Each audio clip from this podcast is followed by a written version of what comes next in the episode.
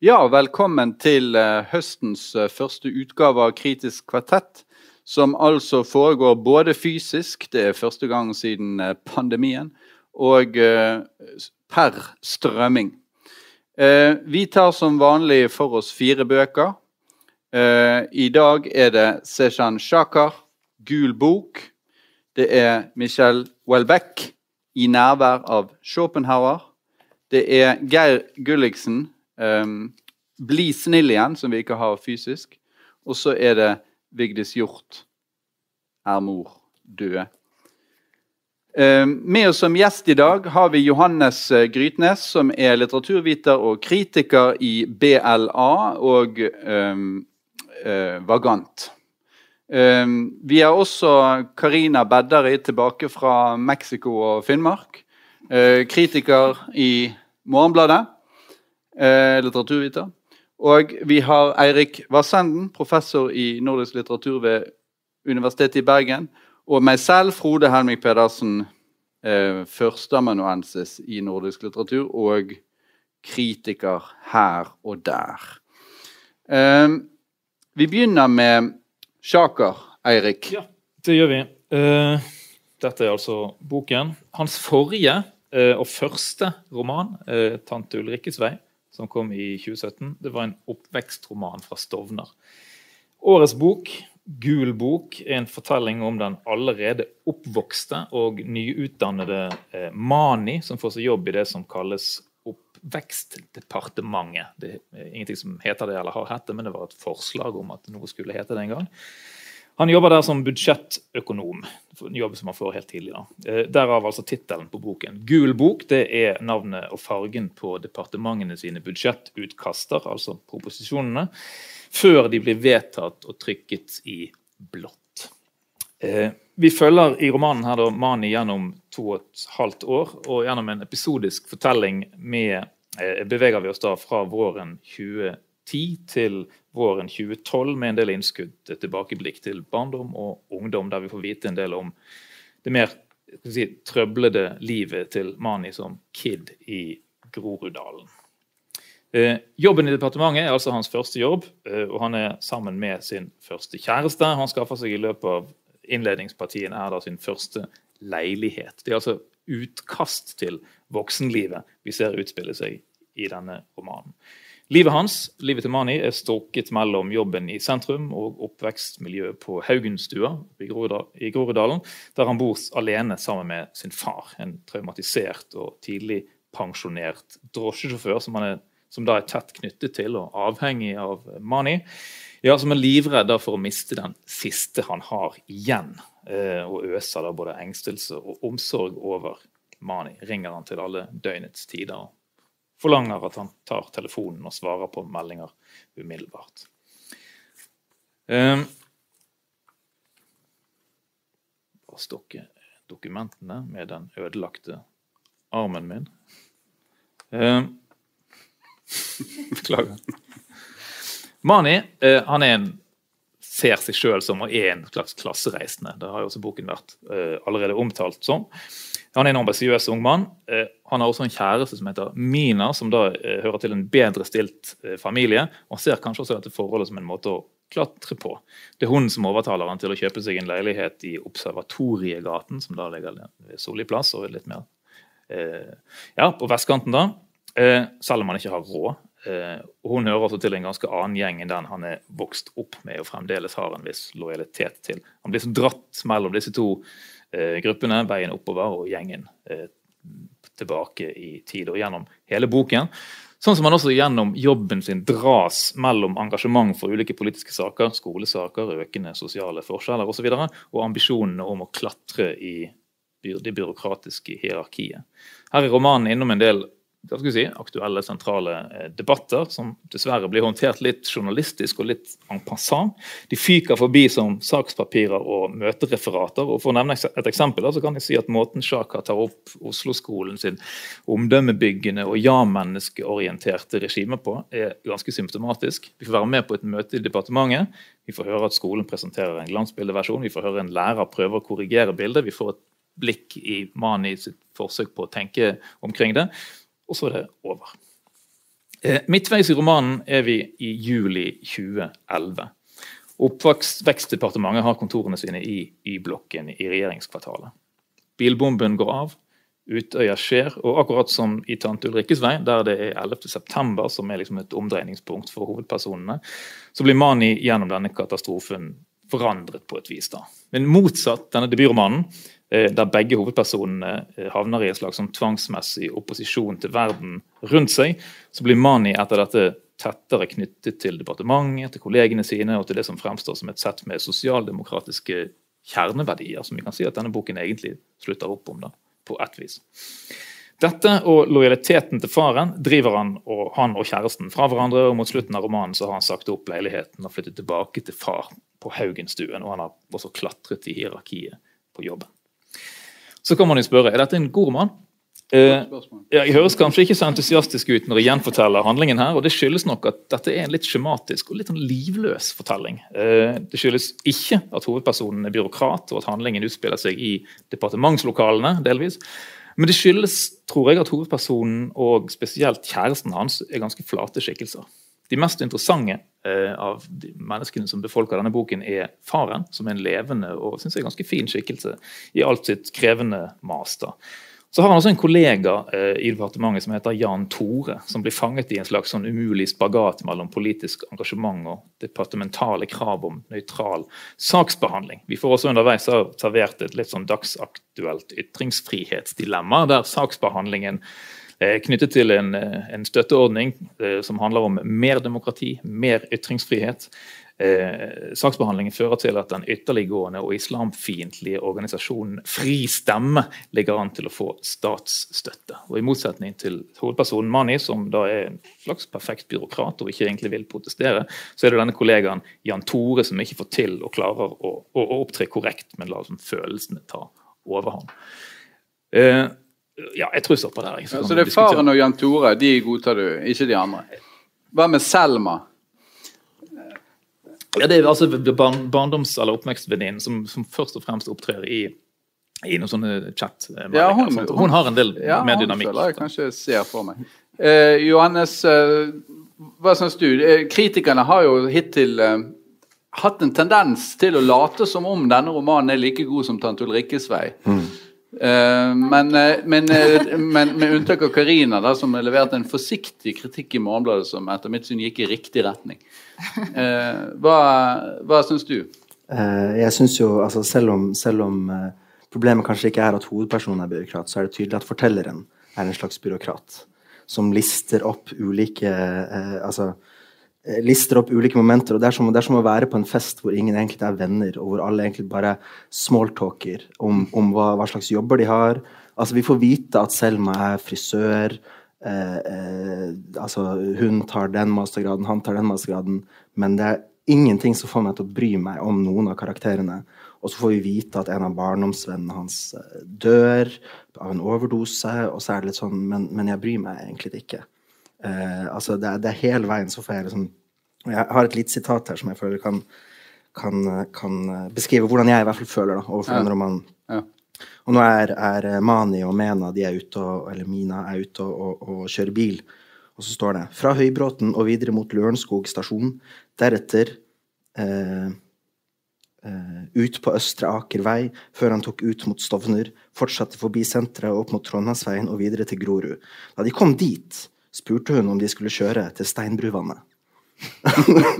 det, er bare, det, er bare, en lang liste, og jeg får den følelsen av gjennom hele boken at det er bare en lang liste med, med, med ting.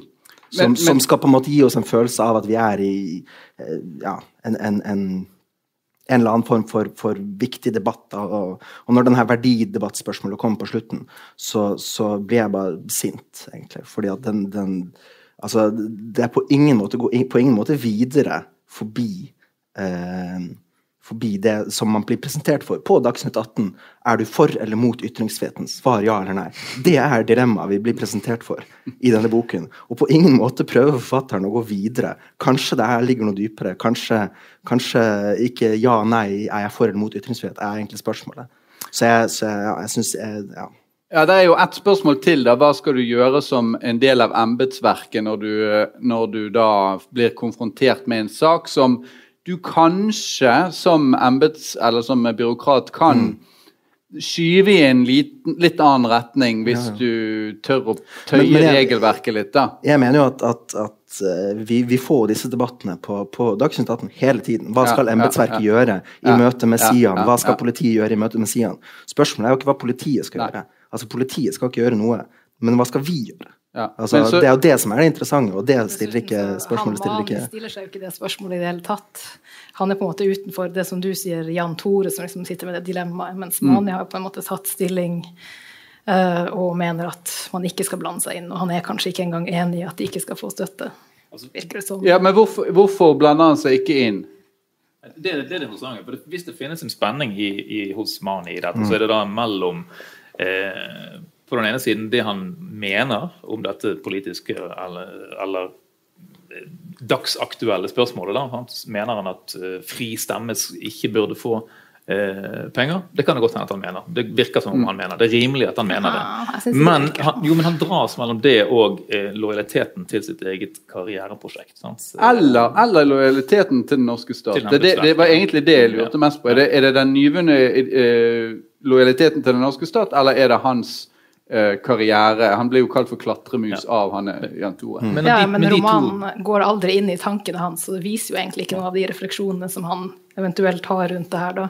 Det er jo i hvert fall for min del eh, mye av det som er problemet med boka. at Uh, Han forteller så distansert en slags ja, versjon av allvitende tredjeperson. Ikke helt allvitende forteller heller, for han går på en måte ikke inn i det forskjellige ordentlig. Alt er liksom på og så skjer det likevel ikke særlig mye. Får ikke vite hva Mani egentlig tenker om noen av de konfliktene med liksom, ja, jobb, jobben og klasseklatringen, klasseskillet med de nye kameratene på jobben og, og de gamle kameratene fra Haugenstua. Det er liksom bare sånn på overflaten hele tida. Men, men det er ikke så lett å skille mellom de to. Du, du spør om vi, er det karrierisme eller er det lojalitet til eh, altså Det er ikke så lett å skille mellom de to der. Og Det går ikke helt frem klart i romanen heller om han eh, handler som han gjør fordi at han så å si har blitt eh, enten slukt av sin egen ambisjon eller så å si absorbert av eh, den norske, det norske sosialdemokratiet. Da. De to størrelsene. Ok, Men, men jeg, jeg vil gjerne bare høre litt med dere to. For du, eh, du slaktet jo boken nå i sted. Og, eh, og, og, mens Karina, hun du skrev jo en veldig mild kritikk i Morgenbladet. Mens nå virker det det. som du egentlig ville slakte den. Ja, jeg syns ikke det var så mildt. Hvorfor var det mildt? Nei, det var liksom veldig kompetent utført, og, og du var interessert hele veien. Det virket som du hadde vært at du var interessert, da. Eh, nei, det tror jeg ikke. Jeg, synes, jeg, jeg mener at det, han har skrevet et slags svar på innvandrerromanen. Ja. Og det jo, har han gjort feil. At du er på en slags guidet tur livet til en norsk ung mann med innvandrerbakgrunn. Og skal han innom utrolig masse ting med liksom kjæresten, jobben, alt mulig. Blander inn altfor mye. Og tar ingenting. Ja, sånn som du sa, og går veldig raskt fra sak til sak. Så det, er, så det er altså Problemet med romanen er at det er en roman som i ett og alt er skrevet i tråd med den samfunnsmessige fornuft anno 2020. Men det, det, det sa, det er en roman skrevet av en byråkrat. Altså, det, det, er, det er en rapport fra Innvandrer-Norge anno 2020. Altså, det, er, det, er, det er totalt blottet for Så det, psykologi. der, så, så det vi da sier egentlig, det er at en forfatter er nødt til å være noe annet og noe mer. Må være en mer individuell stemme. Det må være litt mer galskap, litt mer ambivalens, litt mer villskap Men, men det og litt mer trenger, ikke være, trenger ikke være sånn som Ja. alle andre norske romaner som er beskrevet på psykologiske nivåer. Nei, nei, nei. Det kan godt være, men det er jo ikke, det er jo ikke på en måte interessert i, i på en måte strukturene eller noe. Det er bare sånn en, en, en rapport, da, syns jeg. Også flatt, Det flatt skrevet. Sant? men alt, det, alt det som vi Ja da, vi, vi, vi er enige, altså. Men mange av de tingene som vi beskylder denne boken for nå, eller forfatteren av denne boken for nå, uh, at den er da en guidet tur, at den er skrevet av en byråkrat, alt det gjelder jo også for den første romanen hans. Nei, ikke Nei, for de er førstepersonsfortellinger. Ja. Og det er det Jo, som jo. gjør den store. Du får disse Ja. stemmene Da, som er noe helt ja, annet. ikke sant? Ja, ja. da gjør den det naturlig, for at det faktisk er en fortelling som blir fortalt til en forsker. Og de skal jo rapportere fra livet sitt på den måten. Ja, vel, vel. Ja, Fortelleren er jo en forsker i den første, og så er det førstepersonsfortellingen er vitnesbyrd fra Ja. oppvekst. Men det jeg egentlig ville frem til, var jo at disse bøkene er ganske like. Eh, måten de er bygget opp på. Noen bitte små sånne eh, spenningsskapende eller eh, noen, noen, sånne små fortellermessige grep. da, Stykket opp litt, og noen tilbakeblikk og, og litt sånn, som ikke egentlig gjør så mye. Det er en veldig streit fortelling. Men, men, men måten eh, 11.9 er brukt her eh, Altså 22. juli, mener jeg. Unnskyld. Ja. 11. september ja. i den første, og 22. Ja. juli i denne. I den første så virket det veldig sterkt. Sant? Rett og slett fordi det, det, slo ned i, disse, i, livene til disse to uh, unge guttene og, og forandret, forandret, verden for dem, rett og slett.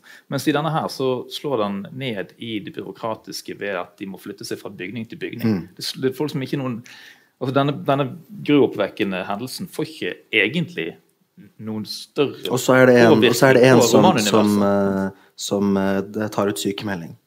Og så sender Mani en melding til henne. Eh, 'Går det bra?' Så svarer hun 'fint'. Og så slutter hun, da. Ja, men det, det, det, det kan være realistisk. Ja, der er det dirrer det av undertekst. Men, jo da, men, men ja. ja men den underteksten er ikke nok. Ja, altså jeg er helt enig. Altså, er det kanskje litt altså jeg, jeg, tror kanskje, Hvis jeg skal si noe litt positivt, så må det være at jeg kjedet meg vel ikke direkte under uh, lesningen. Men jeg vil si dette er en klassisk mellomroman. Uh, som man kan lære litt av, kanskje, og, og sånn, men, men, det er ikke noe, er ikke noe uh, spesielt litterært verk å snakke om. Det, det, er ikke noe sånn språklig utforskertrang eller noe av den. Av den, den, den, den er, som, som, flere kritikere har pekt på, så er den ganske skjematisk. Ja. Du var også innom det i din anmeldelse. Karina, sant? Mm. Ja. Nei, men Greit, da er vi helt enige om den, stort sett omtrent. I hvert fall, og så går vi rett og slett bare videre. Uh, vi eh, ønsker Sjaka Shaka lykke til med neste roman. Uh, og det ble altså ehm, en litt atypisk bok i kvartettsammenheng, nemlig et slags filosofisk verk eh, av Michel Welbeck. Ja. Johannes, forklar oss, hva vil du med å servere oss dette? Eh, jo, så Jeg hadde jo ikke lest den på, på, forhånd, så jeg ville først og fremst bare lese den. Fordi jeg så at den kom ut på, på norsk. Og så har det vel gått en stund siden sist jeg var innom uh, Welbeck, og at jeg følte det var på tide uh, å dykke ned i, i, i uh, misantropien igjen. Ja. men ja I nærvær av Schopenhauer, den ble da først gitt ut i 2016 i, i Frankrike, men ble ifølge forordet og etterordet og baksideteksten Eh, eh, startet på i, i, 2005, omtrent samtidig som, som Welbeck gjorde seg ferdig med 'Muligheten av en øy'. Eh, som kanskje er en av hans beste bøker. Og Schopenhauer er jo absolutt til stede i hele Welbecks forfatterskap, men kanskje spesielt da i 'Muligheten av en øy'. Og det er kanskje her først og fremst at denne boken i nærvær av Schopenhauer får sin rettferdiggjørelse som, en, som et bidrag til å forstå eh, Welbeck. Eh, eh, ja, altså Boken består da av seks kapitler eh, som er inneklemt mellom et forord skrevet av eh, fransk litt, litteraturviter Ag, Hva heter hun da nå igjen? Novak Le Chavelier. Ja. ja. Eh, som da begynner forordet sitt med 'Dette er historien om en revolusjon'. Og bortsett fra kanskje den setningen, så er det lite som skjer i, denne, i, denne, i denne lille saken, denne lille boken. Uh, det er langt fra en revolusjon. Jeg vil heller si at det er, det er lite originalitet. det er lite interessant som skjer i løpet av de neste da, 100 sidene. Uh, og boken gir meg mindre lyst til å lese Schopenhauer, den gir meg mindre lyst til å lese Welbeck. Uh, kanskje, kanskje, ikke nødvendigvis mindre lyst til å lese Welbeck, fordi den handler jo først og fremst ikke om Schopenhauer. Den handler jo først og fremst om Welbeck, og den handler først og fremst om Og det blir også tydelig i forordet og etterordet. Som, og de skriver jo ikke om Schopenhauer så mye som de skriver om Welbecks møte med Schopenhauer, og hvordan han som Altså, det er en, det er en selv, selvmytologi. Dette her er en, er en bok gitt ut eh, når Welbeck allerede er etablert som en stjerneforfatter, som den kontroversielle forfatteren som alle elsker og hater og hater og elsker. Eh, og det er sånn vi må forstå denne boken her, som, som, en, som et ledd i hans selvmytologisering. Og selvmytologisering er det i og for seg ikke noe galt med. Altså, Espedal blitt, altså, er jo en utrolig interessant forfatter som driver med selvmytologisering, og som, og som gjør det på en kul måte. Men problemet er vel kanskje at uh, Welbeck ikke er så interessert i seg selv. Altså, han, er, han er først og fremst uh, full av forakt for seg selv. Eh, og, og, gjemmer seg bak noen, noen små, noen små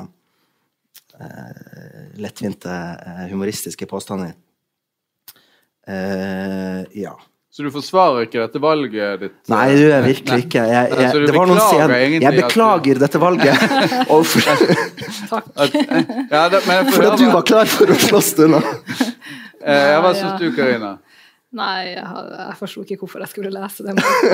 det var veldig ja. uh, Jeg syns at jeg ble veldig irritert over for- og etterordet. Mm. Utrolig sånn hyllest til uh, Welbeck og på en måte når de skal prøve å forklare hvordan Schopenhauer inngår i hans uh, ja, romanverk, så faller jo det også helt gjennom. Uh, ja, jeg tror jeg vil lese bare et lite sitat. Skal se Ja, her er uh, Som Schopenhauer har Welbeck satt seg i fore og snakke om det man ikke kan si noe om. Om kjærlighet, om død, om medlidenhet, om tragedie og smerte. Slik Schopenhauer går inn på romanforfatternes, musikerne og billedhoggernes område, trer Welbeck inn på filosofiens område. Hvis Schopenhauer er kunstnernes filosof, er Welbeck filosofenes kunstner. Og alt er like tomme ord som det her, alt som står der etter ordet, mer eller mindre. Mm. Altså det er ikke så mange forfattere som ikke skriver om kjærlighet, død, medlidenhet, tragedie og smerte. Så... Skulle til å si det. Dette er ikke ting som det ikke er mulig å si noe om. Nei, heller ikke. Men, uh, ja, Nei, og så er, det jo sånn, så er det jo faktisk sånn at uh, i tillegg så er jo denne oversettelsen under enhver kritikk. sant? Og det er en, dette er jo en oversetter, Hanne Herman, som, som oversetter fra fransk. Og her må han altså, I og med at uh, eh, Welbeck har gjort det sånn at han har veldig lange Schopenhauer-sitater. Som han selv har oversatt til fransk? Ja, som han selv har oversatt til fransk, og som hun antagelig oversetter muligens først og fremst fra fransk. Jeg vet ikke. Mm. Men det er i fall, hvis du går igjennom da, uh, som jeg har gjort med noen av disse uh, sitatene, og ser hva som står hos Schopenhauer, så er det jo ganske langt fra. da. Sånn at, og da blir, det jo litt, blir det litt vanskelig å forstå. Sånn at eksempel, å å blande transcendent og transcendental. Det kan kanskje høres ut som en trivialitet, men det, er, det, gjør det veldig vanskelig å forstå. For transcendent er liksom Platon, mens transcendental er Kant. Så det er mm. egentlig noe helt, helt annet. Uh, og, og, og, da gir det liksom ingen mening, det som står der. sant? Og så, altså Hun skriver Jeg kan jo lese det, da. Vi vet ikke hvor dypt vi trenger å gå inn i dette her. Objektverdenen er og forblir i sin helhet en forestilling og følgelig er den evig og alltid betinget av subjektet, dvs. Si at den er en transcendent idé. Og da er mitt poeng kort og godt, Det skal være transcendental, og det skal heller ikke være idé. Eh, det skal være eh, idealitet. Altså det er ideal som det er snakk om.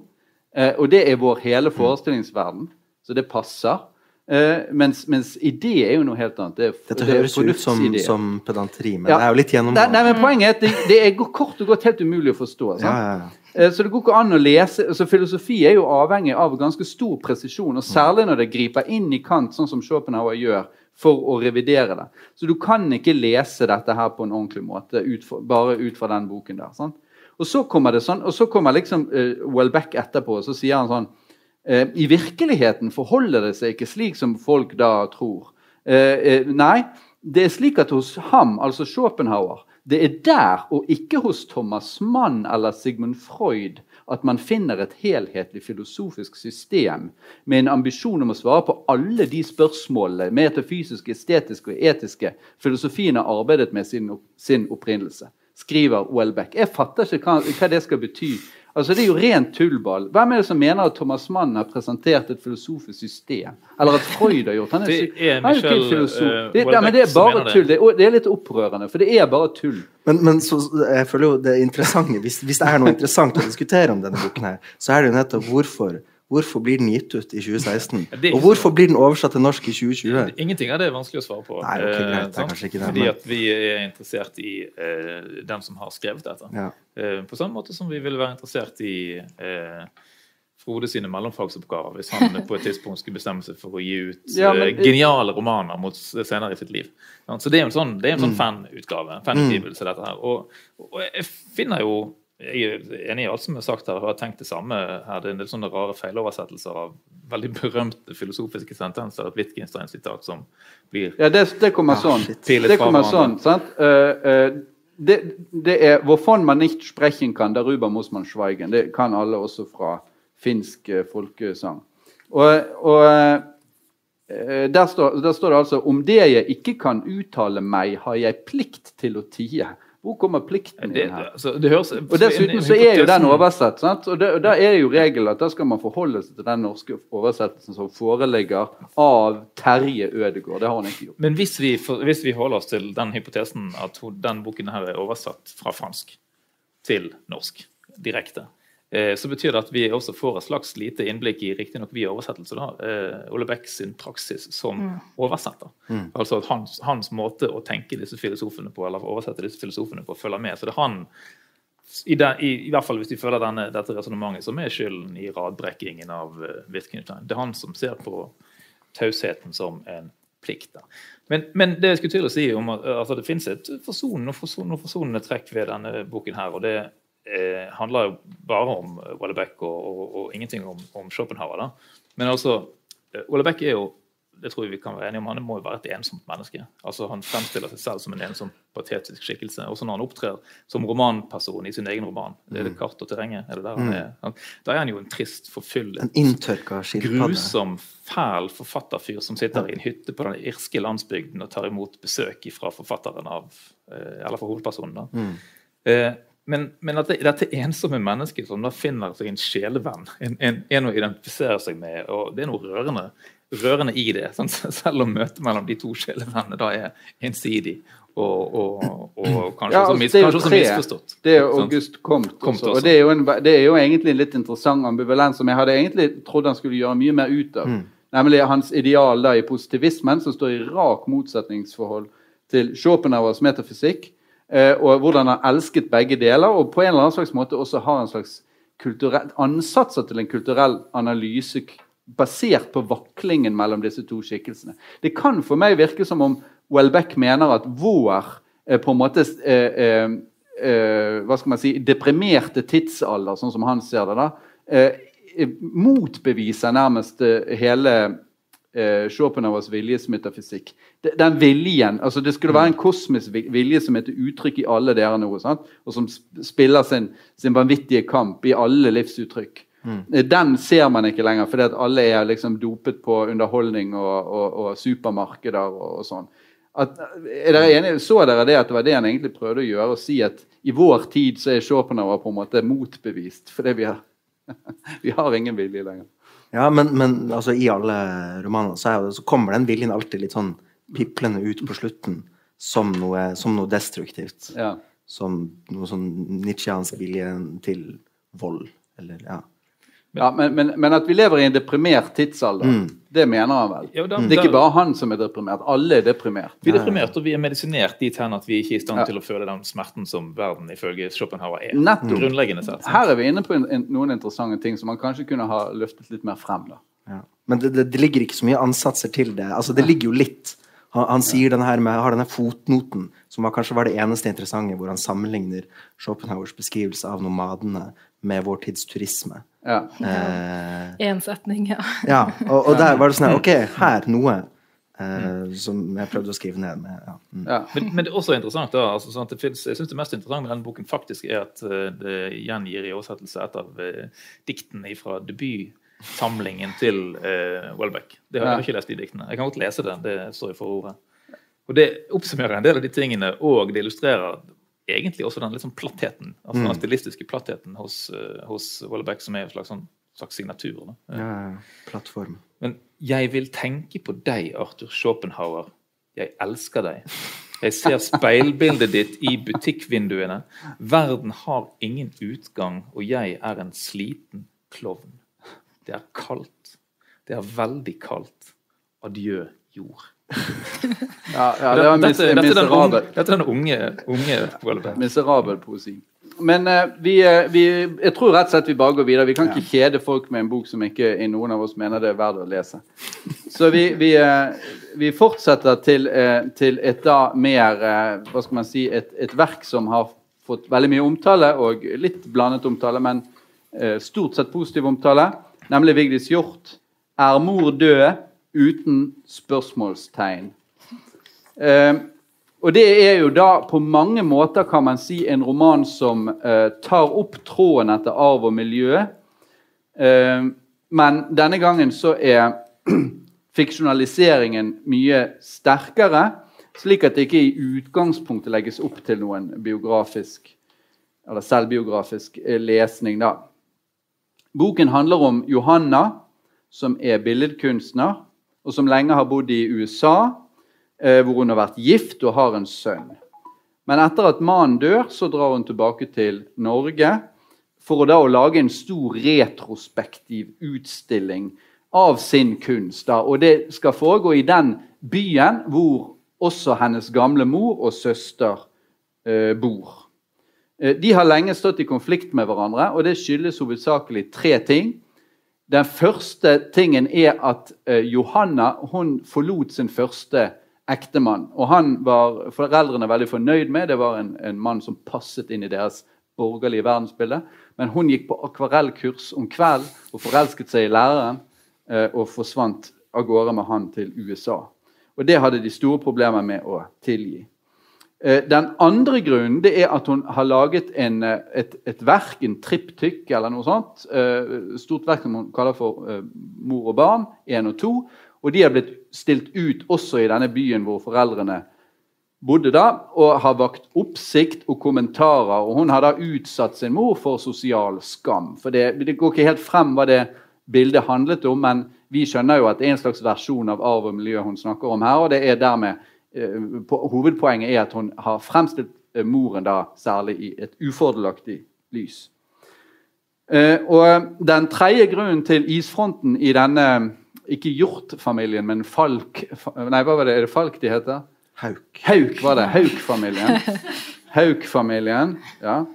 Eh, det, er, eh, det, tredje punktet er altså at hun ikke dro eh, hjem for å delta i farens begravelse. Og Det gjør hun jo da delvis fordi at hun ikke tror hun er ønsket, og delvis kanskje også fordi at hun ikke liker faren. Og faren har alltid vært en, en kald, kritisk person i hennes liv eh, om enn ikke en overgriper.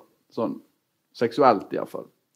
Så, men, men det er klart eh, ja, så, så, fremgår det da at det var, det var eh, helt utilgivelig at hun ikke kom i denne uh, begravelsen. Nå når hun er kommet hjem, så er da den amerikanske mannen død. Uh, og Hun er kommet hjem igjen, og så begynner hun da å smyge seg inn på sin mor primært da ved å kjøre opp til der hvor hun bor hun har funnet på Google Maps og sånn. Og så sitter hun og, og, og kokelurer der ute i bilen og prøver å få syn på henne. Og, og, og gjemmer seg litt i buskene. Hun går til og med og graver i bosset hennes. og, og sånn. Det er litt sånn halvgrotesk, kanskje ikke helt troverdig, men, men eh, jeg kjøper det vel egentlig stort sett. da. Eh, og så ja, Hun tar seg inn i bygningen og sånn. Så poenget er vel at her går det veldig mye i eh, det er en ganske sånn på nåtidsplanet er det en ganske sånn stillestående fortelling, kan man kanskje si, men det er noen, en god del tilbakeblikk som gjør at situasjonen stadig, stadig så å si utvides. Og så er det også noen sekvenser fra skauen hvor hun oppholder seg i en sånn koie. Eh, finner ro der, der ute i naturen. Og så, og, så, og så, er det da til slutt denne konfrontasjonen. Og den er, den er, Jeg hadde fryktet at det aldri kom til å bli noen konfrontasjon her. At det skulle bare fisle ut, og at nei, jeg får ikke kontakt med mor, så jeg drar. Ja, Men det, her, er det en, her er det en konfrontasjon som er ganske sterk på sett og vis. Den gjør et visst inntrykk, iallfall eh, da. For det er en, en, en uforsonlighet, en dyp uforsonlighet som, som rives opp her. Uh, og, og, og, beklager spoileren, da. Jeg skal ikke si noe mer om det foreløpig. Så hva, hva syns dere? Ja, Johannes. Jeg begynne? Ja. Uh, altså, jeg syns det er en, det er en uh, god roman. språklig god og, og Altså, uh, eh, altså Så det er gøy at, at, at eh, første altså Tittelen er er 'Mor død uten spørsmålstegn', og første setning er en påstand med spørsmålstegn. Så det er denne her eh, diskrepansen mellom sånn Når er det du egentlig vil altså stiller spørsmål til noen, og når er det du bare påstår noe om noen? Eh, og at, at det kommer gradvis til uttrykk hvordan, hvordan hun fremstiller seg selv som om hun er en som, som bare vil stille moren noen spørsmål, men egentlig så vil hun eh, holdt jeg på å si, påstå noe om moren. Altså hun vil, hun vil trenge seg på. Og så er det den her eh, det, det er veldig sånn eh, eh, Ja, altså det er veldig sånn selv altså, hun- hun, fremstår, hun fremstiller det som om det er en, det er en eh, at det er moren som er problemet, og gradvis så kommer det liksom fram at det er hun som er problemet. Eller at mer og mer at det er henne. Og, eh, ja, mener du det? At, at Ja, det men- kommer frem? At det er Ja. sånn det er? Ja, at, at, at, at hvorfor i alle dager skal hun komme der eh, 30 år etter og begynne å stille spørsmål til sin 80 år gamle mor? Det er jo moren, da, tross alt. Ja, men hun Altså, når du ikke Ja, ok. Nei, det, det, det er en annen diskusjon, da. Men, men det, er med, det er noe med den her Altså, når hun kaster stein på vinduet hennes og, og kommer på døren her Altså, det er jo ikke Altså, når du ringer noen 20 ganger, og de ikke svarer, da kommer du ikke på døren deres. Kommer veldig an på hvem du er. tror Det kommer an på. Hvis det er din mor, så har du lov å ringe 20 ganger. Ok, Og så Etter kaste mitt- stein på vinduet deres. Eller snø, eller hva det er. Ja. Ja, hva syns du, Karina? Eh, Jeg er også enig i at det er en eh, ja, ganske god roman. Og, men eh, jeg ser poenget ditt med at problemet ligger hos henne, men jeg ser det kanskje mer som at hun er nødt til å komme frem til en slags forsoning, da, og forsone seg med at den ideen hun har om at mora har kommet med et svar, og de, eh, det hun ønsker fra mora, det er noe som hun forestiller seg, og som hun har dikta opp, og det kan hun aldri få. Men det forstår hun ikke før hun har konfrontert henne helt ut. Da. Eh, Men det er hennes egen endring. Som, det skjer jo egentlig ingen, ingen endring hos mora eller søstera i løpet av boka. i Det hele tatt. Det er på en måte en forsoningsprosess hun går gjennom. Altså, de fremstår som filistrøse, for det første. Det betyr kunstfiendtlige. Eh, eh, og, og, og de fremstår som totalt, totalt og totalt fanatisk uforsonlige. Begge to. Ingen bevegelse, og ganske, også ganske urimelige. Det står jo Grunnen til at moren eh, egentlig eh, har så mye imot sin eldste datter, det er fordi at moren hadde hatt noen tendenser til kanskje å frigjøre seg, og sånn, men hun hadde valgt Hun måtte underkaste seg denne, Ja, ja. denne uh, Men hvorfor skal datteren komme når moren er 80 år og prøve å frigjøre moren sin? Det er fordi at hun har skapt, skapt, skapt seg en hypotese om hvordan ting henger sammen. Og i det universet der så er det jo søsteren som er skurken. Moren er en kuet uh, kvinne som, uh, som ikke egentlig har, får lov til å ha noen selvstendig mening. Sant? Så hun har disse fantasiene sine om hva som egentlig foregår. Og da er det søsteren som tar posten hennes, og som ikke eh, åpner brevene. Eller kanskje til og med søsteren som kontrollerer telefonen hennes. Som sensurerer, rett og slett. Og så, som, som Karina sier, så må hun jo da konfrontere moren for å så å si avkrefte sin egen forestilling om hvordan det, eller illusjon om hvordan dette har, har, eh, har gått for seg. Sant? Eh, Men jeg, må- jo si at jeg er ikke enig med dere i, i dette at dette er en, en god bok å lese. Eh, jeg synes Det formmessige ved denne teksten der, altså den er, altså En ting er mange spørsmålene.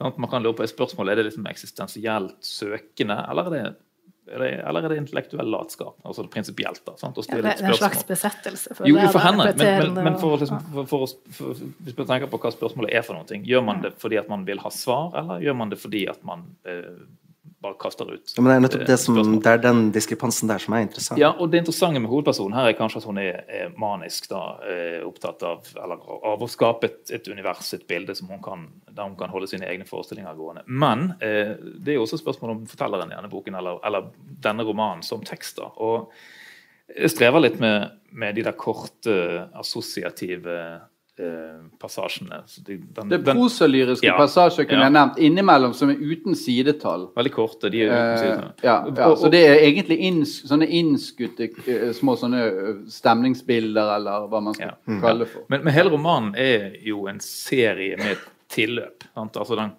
den eh, folder ut noen små ting, noen spørsmål, noen scener, noen glimt. Og er veldig sånn altså, Litt sånn, hva skal vi kalle det, da, som hukommelsesarbeid kan virke, hvis man prøver å huske. Sånt. Noen øyeblikk som er store, noen som er små, og noen som er glimtvis. Eh, og, og grunnen til at jeg tenker at det, det er litt irriterende, litt, litt interessant, litt stimulerende også, men, men grunnen til at jeg syns det er, mest frustrerende å lese, er at de stedene der noen av fortellingene får lov til å ekspandere ordentlig, så, så blir vi dratt ordentlig inn. Du nevnte den ene scenen der hun går i bosspannet til eh, moren og plukker ut en bosspose. Tar hun med seg tilbake igjen. Det er alle disse transportetappene som også er litt utmattende. Da. Tilbake til koien gjennom snøen om vinteren. Og så han, åpner han opp postposen og så plukker han ut bit for bit. Og For hver bit hun plukker ut, så blir vi liksom sugd inn i et uh, barndomsunivers. Og, og da syns jeg at fortellingen skyter fart og, og, blir en eller annen form for helhet. Da. Mens de mange tilløpene er liksom uh, litt frustrerende. Altså, jeg tror, jeg tror, jeg kan hoppe litt på det. da, for jeg, jeg vil si det at Den er rett og slett litt for lang Eller den er litt for ordrik for å opprettholde den intensiteten som en egentlig er litt avhengig av å beholde. da. Sånn at jeg kunne, jeg kunne, se for meg at dette kunne vært en langnovelle eller noe sånt istedenfor, hvor man hadde mye tettere skrevet uh, denne tross alt nokså stillestående konflikten frem.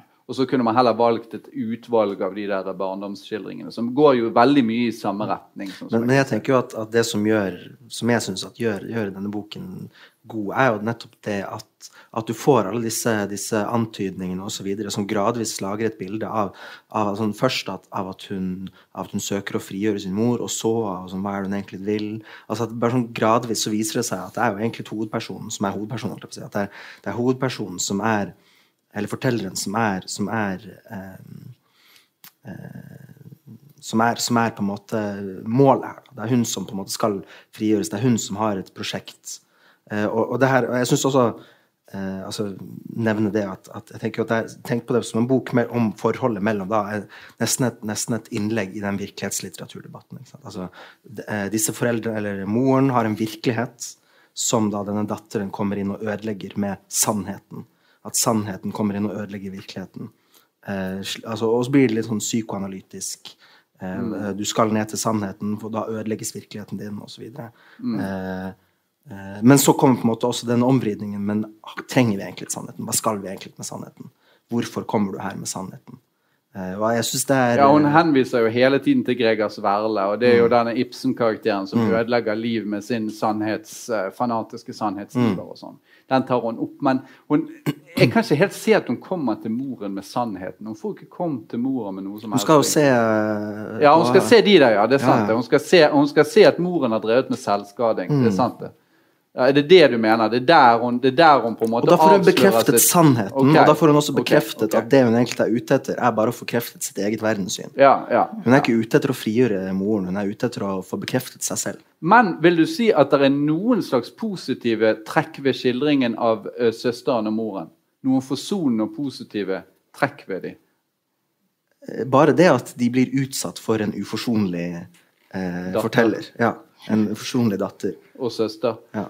Nei, for det, Grunnen til at jeg spør, er jo litt det der at eh, det er jo veldig vanskelig å ikke lese inn denne mm. eh, konflikten i Hjort-familien her. Sant? Og lese rett og slett romanen retorisk. Mm. Ikke virkelighets, som virkelighetslitteratur direkte, men som en retorisk roman mot en mor og en søster som her ble anklaget for de samme tingene som vi på en måte vet at Vigdis anklager sin ektemor og søster for. Fordi at det er litt det der borger og bohem. Mm. De forstår ikke meg. Jeg har levd sånn og sånn. Jeg ble fordømt av de ut fra sånne vestkantverdier og sånn. Mm. Eh, og, og, det vil, hun her nå for en gang for alle på en måte forsvare seg mot. Ja, Men også en selvransaking. Ja, jeg ser, ikke så, jeg ser okay. ikke så mye selvanklager her. Men jeg, jeg, jeg kjøper i og for seg poenget ditt om at hun viser jo seg som en sterkt invaderende skikkelse her. Det gjør hun, men moren er jo totalt uforsonlig. Mm. Men, det... men, når du er 80 år gammel, så har du lov. Ja, kanskje. Men Karine, jeg vil gjerne ha Karinas kommentar på det her. Um, ja. Nei, jeg holder mer med Johannes. men, uh... men, men, mor har ikke så mange anledninger, altså mor har ikke så mange flater å ytre seg på i den romanen. Jo, men hun har minnene, sant? Så hun kommer, hun kommer, frem Det er ja. veldig få Hun sier sånn 'Du er spesielle, jenta mi', og sånn. Ja. Men altså, det er, det er, ganske små smuler denne Johanne har fått opp igjennom fra sin mor. altså. Det er det. Men, men det, altså, mitt, min, min, tanke her er at altså, det er klart at det er veldig vanskelig å å, å unngå smitte fra eh, de andre bøkene, fra oppstyret rundt det, fra eh, søsterromanen og alt det der. Sant? Det, det, det driver inn i denne fortellingen også. Mm. Og Du fortalte om faren innledningsvis, eh, at han var streng og, og, og bare det så er det noe uavklart, guffent, uuttalt ved farsskikkelsen her også. sant? Mm. Altså, eh, om ikke Ja, han er sånn over- skygge på maleriet. ja, Om ikke det er overgrep som er, ut, som er, som er så eksplisert for, så, så er det eh, ja, det, det er et spøkelse som, eh, som holder de nede på alle slags måter. da. Men syns du at det, hun gir et godt forsvar? Jeg, jeg tenker at hun kanskje ikke gjør det, for at hun tar ikke med i boka det at eh, Hun nekter på en måte for i boka at hun skriver den som et retorisk svar. hvis du skjønner. Hun sier jo veldig sånn eh, Ja, men hun gjør jo nettopp det med disse, alle disse spørsmålene og alle disse Og hun sier jo hele tiden det, at hun dikter. Hun sier at hun dikter. Ja, men der hun kommer skriver det om og om igjen. Jeg dikter om- mine foreldre, jeg dikter min Ja, men- søster. I de refleksjonene om virkelighet og sannhet så avviser hun at vi skal lese noe som helst virkelighet inn i den. Ja, det er altfor banalt og enkelt. sant? Det, det, hun mener at vi som mente at virkeligheten var viktig, eh, at vi er banale, og jeg mener at hun er banal. Altså Det, det syns jeg er direkte banalt. For det er altfor enkelt. Selvfølgelig er det ikke så lett å bare si at det, litteratur har ikke noe med virkelighet å gjøre, det har med sannhet å gjøre. eller et eller annet sånt. Det, er for, det er for enkelt. Det skjønner enhver som, som har fulgt Men jeg mener jo at denne boken her er ganske tydelig på nettopp det. At, at, eh, at ja, hun har voldsomt sånn eh, sannhetssøken behov, men, men at hun ser også, eh, holdt jeg på å si, det, det, det uvirksomme i det. Altså det at det går ikke an å leve på den måten med som sannhetssøking.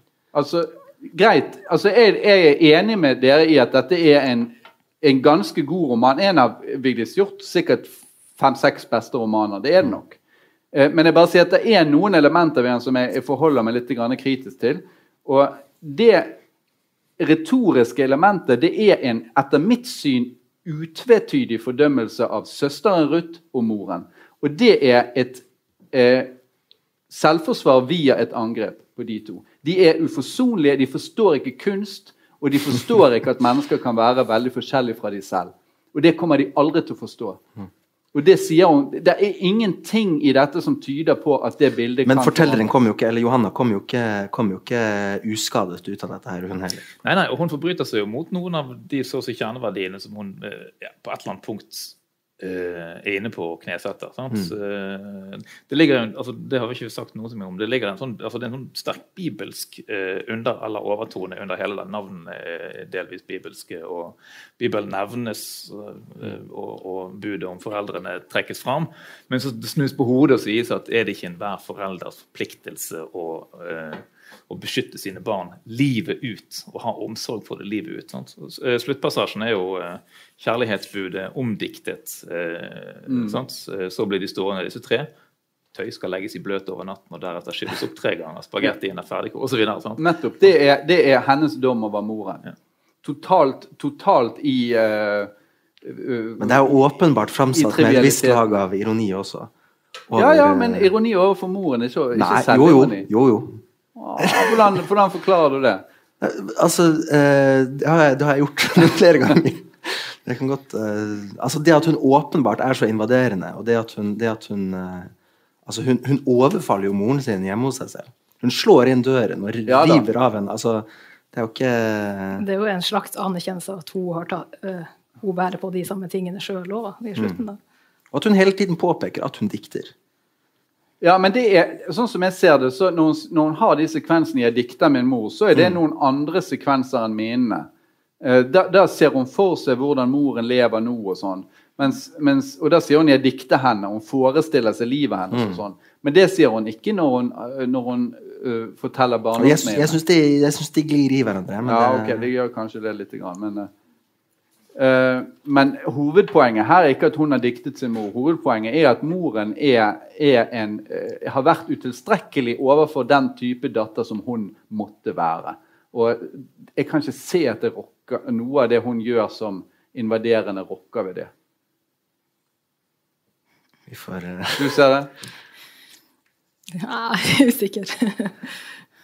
Det er iallfall- det det er iallfall ikke noen av dere som mener at moren er sympatisk fremstilt på noe tidspunkt.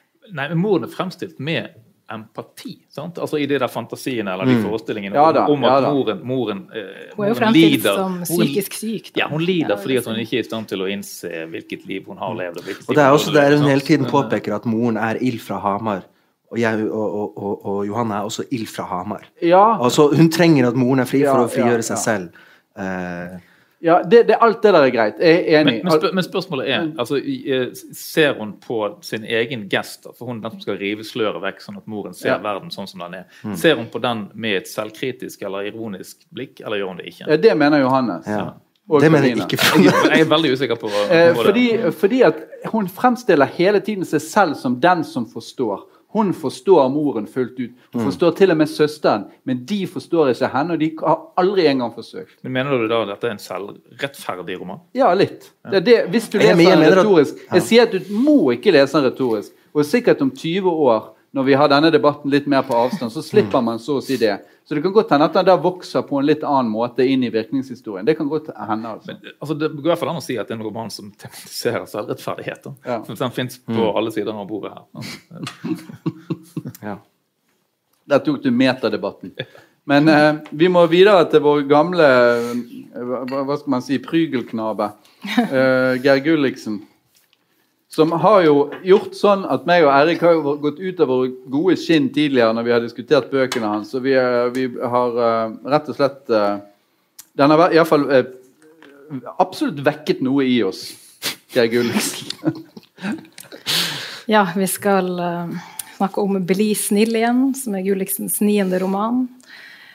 Og for de som har lest en del bøker av Gulliksen og kjenner til hans måte å skrive om ja, kjønnsroller, maskulinitet, feminitet, veldig ofte feminine menn, så kommer det kanskje ikke som en overraskelse at han nå ja, også ganske mye makt og underlegenhet og ja, den type ting går igjen i romanen.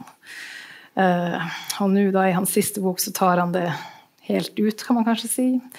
Og gjør rett og slett den feminine hovedpersonen til en heterofil mann som nå ønsker å forsøke å forelske seg i menn og bli homofil. Og han heter Hovedpersonen heter Henning, han er i 50-årene. Har to døtre fra to ulike ekteskap som begge havarerte, da. Og han er poet, eh, men jobber, har slutta å skrive og jobber nå i et reklamebyrå. Boka, romanen er delt i tre deler. Eh, I første del så Ja, da er liksom ja, eh, Den tiltrekningen han begynner å få til menn, går opp for han på ulike vis. Eh, eh, vi begynner liksom rett på at han, med en skildring av hvordan det er for han å leve alene etter eh, at flere ekteskap eh, har eh, ja, gått havarert, som sagt. Eh, og han mm, har eh, av litt uvisse grunner kjøpt seg en ny dress som ikke har lange bukser, men kort bukse, en slags shorts, men med dressjakke. Så drar han på jobben i denne nye dressen og føler seg liksom, litt som en ny og merkelig annen person. Uh, og selve dressen får han til å handle litt annerledes i, på jobben. Så rett og slett under et møte så møter han en annen mann som sjefen har fortalt er homofil, og etter møtet går han bort til han og tar han på kinnet og liksom mer eller mindre ja, Ikke akkurat legger an på han, men gir han et slags kjærtegn. Eh, Men dette blir ikke tatt særlig eh, vennlig imot av denne unge reklame... eh, Eller en kunde, er det vel faktisk, til reklamebyrået. Så da blir han rett og slett oppsagt av sjefen kort tid etter. Han er uten jobb og går ut på gata i et helt nytt liv i denne korte dressen. Så møter han sin datter Synne, en jente på 21 år som han forlot som ganske liten da han gifta seg med en, møtte en ny kvinne og gifta seg med en ny, gikk fra hennes mor. eh, Og som han har hatt et eh, vanskelig forhold til gjennom oppveksten til sinne, og de har ikke så mye kontakt. Han ser henne bare tilfeldig på gata i Oslo, antar jeg. Følger etter henne til kaffebaren der hun jobber, og kommer, ja, har en samtale med henne. Eh, der med en gang hans verden og hans realiteter og det han tror på, kommer i klinsj med synet som viser seg Hun forteller eh, hun forteller at hun ikke trives på jobben med sjefen fordi han er utlending. Eh, og så blir eh, faren Henning overraska. Liksom, hvordan kan du si det? Så, så Jeg sier hun du, Tror du at jeg er rasist? Han nei, nei, det tror jeg selvfølgelig ikke. Hun, hun så begynner hun å prøve å provosere han, men kanskje jeg er det. Jeg mener at alle må at uh, utlendinger må reise hjem. Og så kommer det en sånn typisk ja, ideologisk uh, ja, tvist mellom de to. Far og datter uh, de finner ikke helt ut av det, men de bestemmer seg for å skulle ha mer kontakt. men da skjer det også at dattera påpeker at han ser litt homo ut i den dressen. Har du blitt queer, eller spør hun. Og det samme har også sjefen påpekt tidligere. Så alle de her tingene, eh, sammen med liksom forholdet han har hatt til kvinner opp gjennom livet, gjør at han begynner å se for seg tanken på at han kanskje skal prøve seg på en mann. Og det er liksom første akt av boka. Så kommer andre del hvor, eh, som går gjennom alle forhold han har hatt i løpet av livet til ulike kvinner, helt fra første kyss i ungdomstiden Eh, opp gjennom flere ulike forhold. Eh, to ekteskap, de to døtrene. Der det igjen og igjen blir måte, tydelig at ja, han ikke får det han ønsker seg ut av disse forholdene til kvinner. Ofte fordi at selv om han har vært en ung mann som, som ønsker å frigjøre seg fra kjønnsroller og ja, omfavne feminismen, leve, leve, et litt annet utypisk liv, så har han havnet inn i de samme kjønnsrollene med kvinner. Uh, og denne delen av boka beskriver det særlig i det liksom, seksuelle som skjer mellom ja, disse ulike forholdene, hvordan han hele uh, tiden møter kvinner som liksom ja, på en eller annen måte vil være underlegen da, og være den som, som mottar eh, kjærtegn og ja, blir utsatt for makt på en eller annen måte. Eh, og det ønsker han seg ut av. Eh, ja.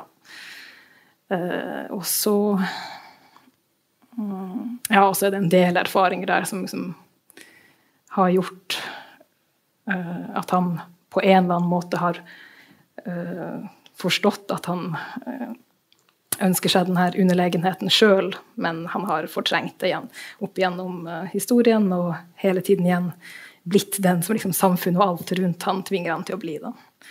Og så kommer tredje del, hvor han er på en fest eh, hos denne ekssjefen. Hvor det er for det meste homofile par rundt han. Og han møter en mann der som han blir sterkt fascinert av, kanskje nesten forelsket i. Eh, begynner å se for seg et liv med denne Martin, som han heter, som er til stede på festen alene sammen med sin datter, eh, men som han forstår er gift. da. Eh, men da mm, ja, Han går hjem, tenker på Martin, men føler at han ikke kan ta kontakt med han når han sjøl ikke har hatt noen opplevelser seksuelt med menn enda. Så han setter seg for å liksom skaffe seg det da, først via en sexapp. Som, uh, han møter et par som ønsker seg en annen mann. Uh, men den erfaringen blir feilslått fordi at han da går inn i den underlegne rollen sammen med den andre mannen men i etterkant forstår at den andre mannen egentlig ønsket seg å bli dominert og liksom straffet. og ja, Han ønsket seg en sterk mann, mens denne Henning da ønsket å være den underlegne. Så det, det, den erfaringen ja, kan ikke gi han det han vil. Da finner han seg en annen yngre mann som, er, ja, som har vært homofil hele livet, da, og blir sammen med han over en kort periode. Eh, men opplever en del problemer i det forholdet for at han ikke ønsker å introdusere ham til døtrene. Jeg syns det blir for vanskelig. Og ja, parallelt med hele denne historien med å begynne å være med menn, så liksom forholdet til døtrene Både Synne, som er så ulik han, og som han ikke kan forstå og ikke klarer å få et ordentlig forhold til. Eh, og som etter hvert avviser ham på nytt. Og, og Stine, som han Eh, har hatt mer kontakt med opp igjennom ja, Det løper parallelt med den historien om mennene og Martin, som han også etter hvert nærmer seg og prøver å gå inn i et forhold med. Men da kommer det en tvist mot slutten for jeg visste at Martin egentlig ikke var homofil, men heterofil. uh, ja, det Kanskje nok om gjenfortelling. Uh, jeg har hatt ganske mye problemer med stilen av og til i tidligere uh, Gulliksens romaner, fordi at han Samtidig som han ønsker å liksom, skrive om kjønnsroller og ja, alle den typen ting, sex, på et utprøvende vis, så blir han så utrolig sånn utprøvende i språket hele tiden, kanskje, eller, eller kanskje var det omvendt. Hele tiden spørsmål, hele tiden eh, liksom vise en slags usikkerhet og åpenhet i selve språket, som for min del var alltid har blitt eh, for maniert. Da. Men det er faktisk litt tonet ned i den siste. Det er litt mer direkte. Og så er det også sånn at, uh, ja, spesielt i det midtpartiet da, som handler om uh, alle disse forholdene, at det er en ja, stemme, Henning ser tilbake på det, så han forklarer også hvordan han forstår disse forholdene i ettertid. Han ser tilbake på seg sjøl som ung mann og liksom ser det i sammenheng med det han føler nå, og det han har trengt. Så det blir veldig sånn psykoanalytisk, eller ja, mer eller mindre uh, Ja, litt mer fast bestemt uh, måte å fremstille på det. Uh, ellers er det jo, som i tidligere romaner, utrolig mye tidstypisk som blandes inn. Uh, ja, den der oppsigelsen som jeg nevnte. Uh, det er en abort der uh, ja, en av de han var sammen med, den første kona, eller hun som blir den første kona, blir gravid tidlig i forholdet. Og han vil, Henning vil egentlig ha barnet. Hun mener det ikke passer, men hun vil egentlig ikke ta abort så er det en slags vekslevirkning vekselvirkning mellom de der han blir nødt til å overtale henne til å ta abort fordi han føler at det er det hun egentlig vil, men hun vil ikke ta valget sjøl. Ja, og også er det spiseforstyrrelser i noen av disse forholdene. Ja En ekskone som har blitt ekspert på kunst og etikk, så det kommer litt sånn uh, litteraturdebatt inn mellom linjene. Og ja, utrolig mye. Jeg har selvfølgelig Synne med det rasistiske verdenssynet hennes.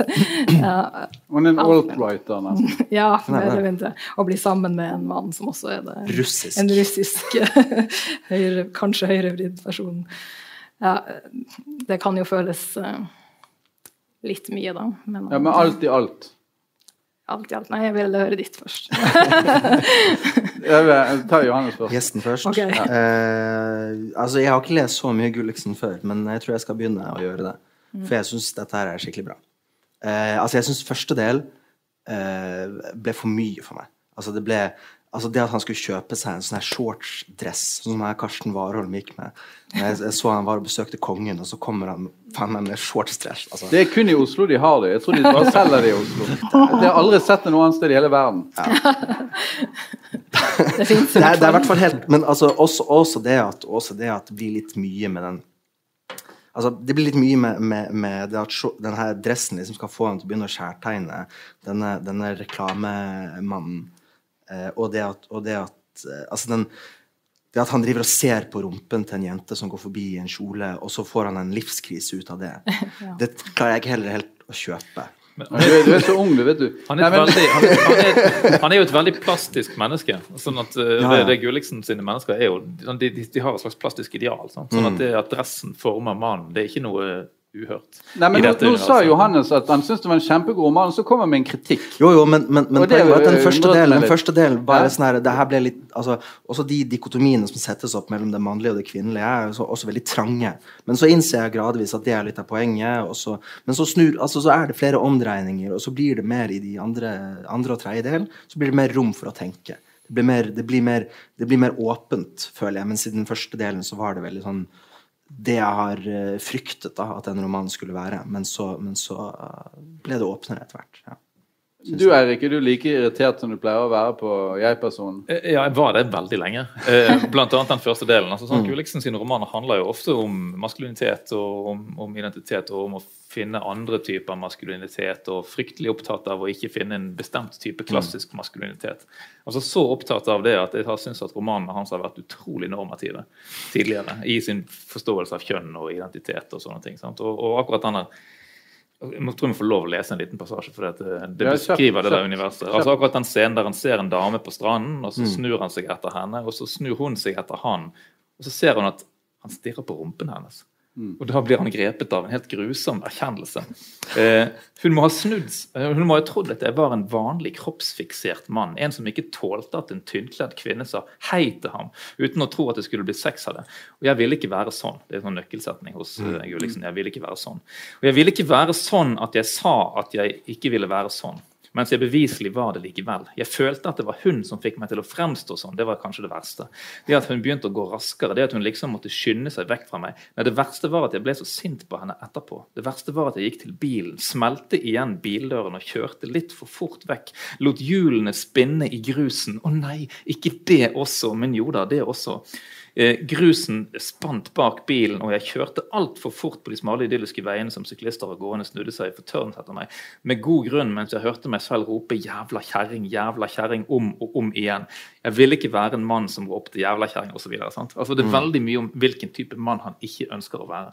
Og Det holder han på med eh, eh, ganske tidlig, men så får jeg en sånn følelse av at på et eller annet punkt så begynner Geir Gulliksen å forstå og kanskje til og med altså analysere selvbedraget i den ideen om å, å eh, denne, den essensialistiske holdningen han mm. har til kjønn, som ligger under alt snakket om plastiske Utrolig eh, klaustrofobiske ja. Men er det han som har den, eller er det mer samfunnet som har den? Nei, han har den. Ja. Geir Gulliksen sine romaner har det alle sammen. og Geir Gulliksen, når han opptrer i, i Hvis vi, vi, snakket om Gulliksen inne i Odda, så satt jo Gulliksen på scenen en halvtime etter oss og hadde et intervju med eh, Britt Aksnes, eh, der han, der han eh, frontet et tilsvarende syn på kjønn. Er det ikke fælt å, å være en sånn mann, da? Eh, sier han, spør han Britt om eh, når hun har gjort en jo, altså, intervjubok med, men han vil, jo, han vil jo sprenge, han vil sprenge grensene for, for det tradisjonelle kjønnsmønsteret. Altså, han vil han vil, ha, han vil, ha, en flytende seksualitet som går egentlig rundt omkring overalt. Og han vil at menn skal kunne få være menn på feminine måter. Ja, ja men kun på feminine måter. Ja, ja, nettopp. Men kun for, for, for, å, for, å kunne, for, å, kunne, beskrive denne plastiske, flytende ideen om identitet og seksualitet, så må han skape en karikatur av ja, ja, nettopp. Helt enig i det. Og den oppholder han seg veldig mye med. Men det var det som jeg skulle si, da, for jeg har pleid å irritere meg grenseløst over dette. Men så slutter det på et tidspunkt å mm. være insisterende. Altså, og alle disse seksuelle eksperimentene og utprøvingene og sånne ting. det det viser seg jo at det ikke er det han er opptatt av heller. Altså, du er opptatt av noe, tror jeg, som du ikke sa så mye om, eh, Karina, men, men, mot slutten av romanen så viser det seg jo at det er et slags sånn omsorgsspørsmål. Det er døtrene eh, og det er de andre menneskene rundt seg han, han, sirkler inn en måte å forholde seg til. Ham. Og Særlig det med de to døtrene som man da har en veldig sånn uavklart, uh, uuttalt uh, måte å, å, å, være i forhold til og, og, og med. Så eh, altså Like mye som dette er en insistering på at vi skal liksom oppsøke en idé om den plastiske mannen, en sånn uendelig tilpasningsdyktig, uten helt fast kjerne, upålitelig og omskiftelig som vinden selv liksom, i alle spørsmål om identitet og seksualitet, så er det også noen, en, en form for utstilling av det. Da, en karikatur av det. Ja, som gjør denne mer forsonende ja, enn tidligere. Han tar det jo lenger ut. Altså, I og for seg så var det naturlig at han, at han begynte med å rett og slett gå helt over og bli eh, lage en, en, Det er jo et slags alter-ego, eller hva man skal kalle det for. Da. En sånn klassisk versjon av Gulliksens uh, selv. Uh, og de, denne gangen altså en, en homofil, uh, en heterofil som prøver å være homofil, og, og som Jeg vet ikke, altså Han vil jo egentlig bare bli kost med. Sant? Og Han vil bare at det skal komme en stor mann og kose med han. Og, og, og vil for alt i verden ikke være den store mannen selv. Nettopp. Og så, så det, der, Når han skriver sånne ting, så jeg blir ikke irritert. Nei, det er jeg enig i. Da, trekker jeg på smilebåndet og tenker at ja, ja. Det var, det var, vel egentlig der han var på vei. Men det som, er, det som er, har vært problemet hele tiden, er jo at han er så sinnssykt fordømmende overfor så utrolig mange. Og veldig mange av de som han skildrer i romanen, eh, fremstår som at de ikke liksom er, at de, er, eh, at de ikke har forstått det Gulliksen har forstått. Og Det blir forverret litt for meg når jeg leser debattinnlegg. Hvor Gulliksen gang på gang på gang er himmelfallen bedreviter. At, at folk ikke forstår sånne enkle ting som han har forstått. Sånn har han holdt på i årevis. og Det har irritert meg så grenseløst. Og, og, I romanene så gjør han det litt lett for seg selv, fordi at alle mulige er liksom tullinger. F.eks. den der Randveig, som ble opptatt av kunstens etikk, selvfølgelig. Sant? Sånn som resten av Presse-Norge og de dumme kritikerne plutselig tror at etikk er enkel sak når det gjelder kunst. Og så er, er altså, Der skriver han jo direkte at han er full av forakt. Ikke bare overfor det hun sender synspunkter, men for hele hennes eksistens. Og det er akkurat, Jeg føler av og til at det er der han egentlig er. da. Eh, at en sterk hva skal man si, selvrettferdighet i dette prosjektet som er litt usjarmerende. Men ja, den del to her som Karina beskrev, det er en katalog over forhold. Eh, den syns jeg er, er, utrolig kjedelig og irriterende. Første del eh, med den dressen som han hadde på, syns jeg er morsom. Jeg syns det er morsomt at han begynner å gjøre andre ting. Jeg synes den er ganske selvironisk. Det, det, det, likte jeg. Andre del eh, likte jeg også bedre. Sånn at dette er vel en av de Tredjedel. En, ja, en tredjedel. Så min oppsummering der er vel litt sånn som i og for seg litt sånn som Eirik sin, at, eh, at det, når jeg er ferdig å lese, så er jeg, re, så er jeg relativt forsonlig innstilt til, til romanen. Mer enn vanlig, iallfall. Eh, eh, det, det tror jeg iallfall. Men, det, er, det, er det, men da, da, da, venter vi på Karina sin dom. Hun har oh, ja, ja, jeg er ganske, jeg er sammen som Johannes, ganske så positiv. Men jeg er enig i det du sier, at det handler om på en måte uh, hans forhold til sine idealer gjennom. Og, og, uh, men jeg syns det romanen gjør ganske godt, er at den sier ikke nødvendigvis at disse idealene var feil, eller at uh, ja, kanskje du mente det, men det mener ikke jeg. Da. Jeg syns den holder litt åpent om idealene var feil, og om man skulle handlet helt annerledes overfor sine døtre og ja, alle disse ønskene om å være fri og alt det der. Den holder på en måte åpent om det er rett eller galt. Og, eller om, ja, om det er en tvangstrøye eller ikke, hvis du skjønner. Ja, Han faller i noen dommer underveis der, ja. der, over sin egen livsførsel. Sant? Altså All hans jakt på frihet som har ført mm. ham fra kvinne til kvinne, og, og, som har gjort at han har forlatt barnet det, det ligger jo litt sånn, noe litt ja, sånn men han sier jo samtidig at han tror på det fortsatt, og at det kanskje er en slags svakhet. Det sier han helt direkte. Det ligger jo kanskje noen sånn skumle, skumle, resultater hvis man tar det på alvor. At, ja, at, at, den, at, den, frie seksualiteten som man beskriver når den mot slutten blir beskrevet som en form for uansvarlighet. Mm. Eh, altså, det, det, er jo en ganske ramsalt selvkritikk. Ja, men, men der, er, der, er jeg med på Karina sitt det gjør, altså Han åpner for det, men han, ja, ja. Går ikke, han lander ikke i den posisjonen. Det virker som han mener at han, For han er jo en impulsiv skikkelse. Mm. Egentlig en utflytende altså Han har ingen selvdisiplin, egentlig. Mm. Altså, han, han, blir forelsket, og da that's it. Da løper han av gårde. Mm. Og, grunnen til, og, grunnen til, at han ender opp med den omsorgs... Altså at det liksom blir døtrene ja. han ender med, det er jo at han blir avvist. Mm. Han får ikke den han vil ha. Ja. Nei, men, men vi, vi, er dessverre kommet til veis ende. Jeg tror vi kunne faktisk diskutert Gulliksen litt uh, mer. For det er litt uklart hva, egentlig, hva han vil med denne romanen. Hva er egentlig poenget? For det er, veldig, det er ganske stor forskjell på disse tre delene. og det er litt uklart kanskje hva den egentlig handler om. Hva innebærer det å bli snill igjen? Altså, det er jo en imperativ tittel her. Bli mm. snill igjen. Det er ikke noe utropstegn eller spørsmålstegn eller, eller ikke noe infinitivt merke foran, men, men, men, den lager jo en slags normativ eh, ramme rundt det. da. Ja. Ja, vi eh, avslutter denne diskusjonen og takker for oppmøtet, både dere som var her, og dere som satt hjemme. Og vi takker for gjestens utmerkede deltakelse.